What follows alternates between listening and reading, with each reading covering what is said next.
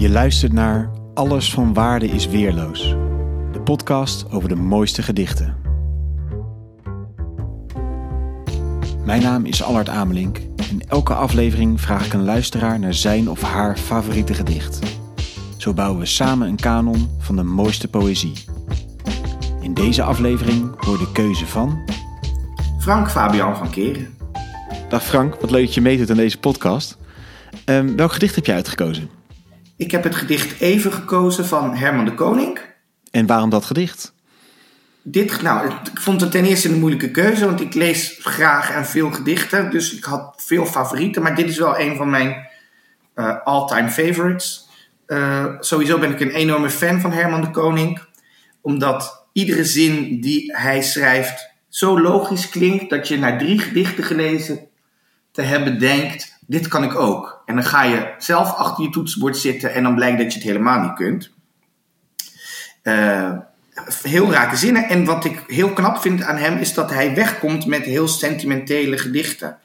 Waar dat vaak bij de meeste, meeste dichters die dat proberen, ja, het wordt gewoon heel melodramatisch en overdreven en zo. Maar bij hem zit het altijd net op het randje. En dan denk ik, oké, heel fraai.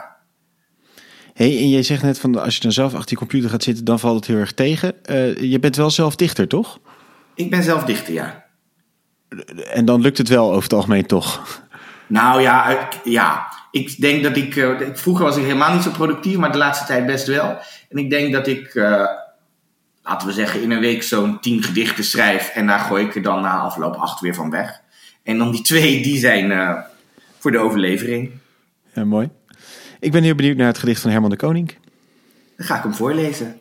Het heet Even. Geluk is ineens zaterdagmiddag in de trein naar Amsterdam. Weten dat het niet voor jou is weggelegd. En daar hoe dan ook erg rustig van zijn. Goed, dat weten we dan. Dat hoeft niet meer gezegd. Er vallen tenslotte nog andere dingen te beleven. We gaan naar Amsterdam kijken en niet naar elkaar. En er is een voorzichtig zijn met wat je even mag hebben, hooguit voor een paar jaar. Zoiets als elke dag opnieuw weer honger krijgen. Zoiets als elke keer met jou weer hijgen. En hijgen en hijgen. En dan is het voorbij. En wie weet nooit gebeurt. Dan blijven ik en jij. Geluk is vandaag nog dingen willen schrijven als jouw ogen en hun sterrelingse pracht. God, God, nee zeg. Maar het is koud en ik wil blijven. Bij jou, omwille van de nacht. Dankjewel Frank. Graag gedaan.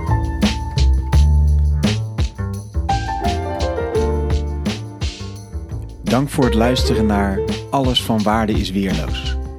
Heb je zelf een gedicht dat je wil aandragen? Laat het me weten via Instagram of Twitter.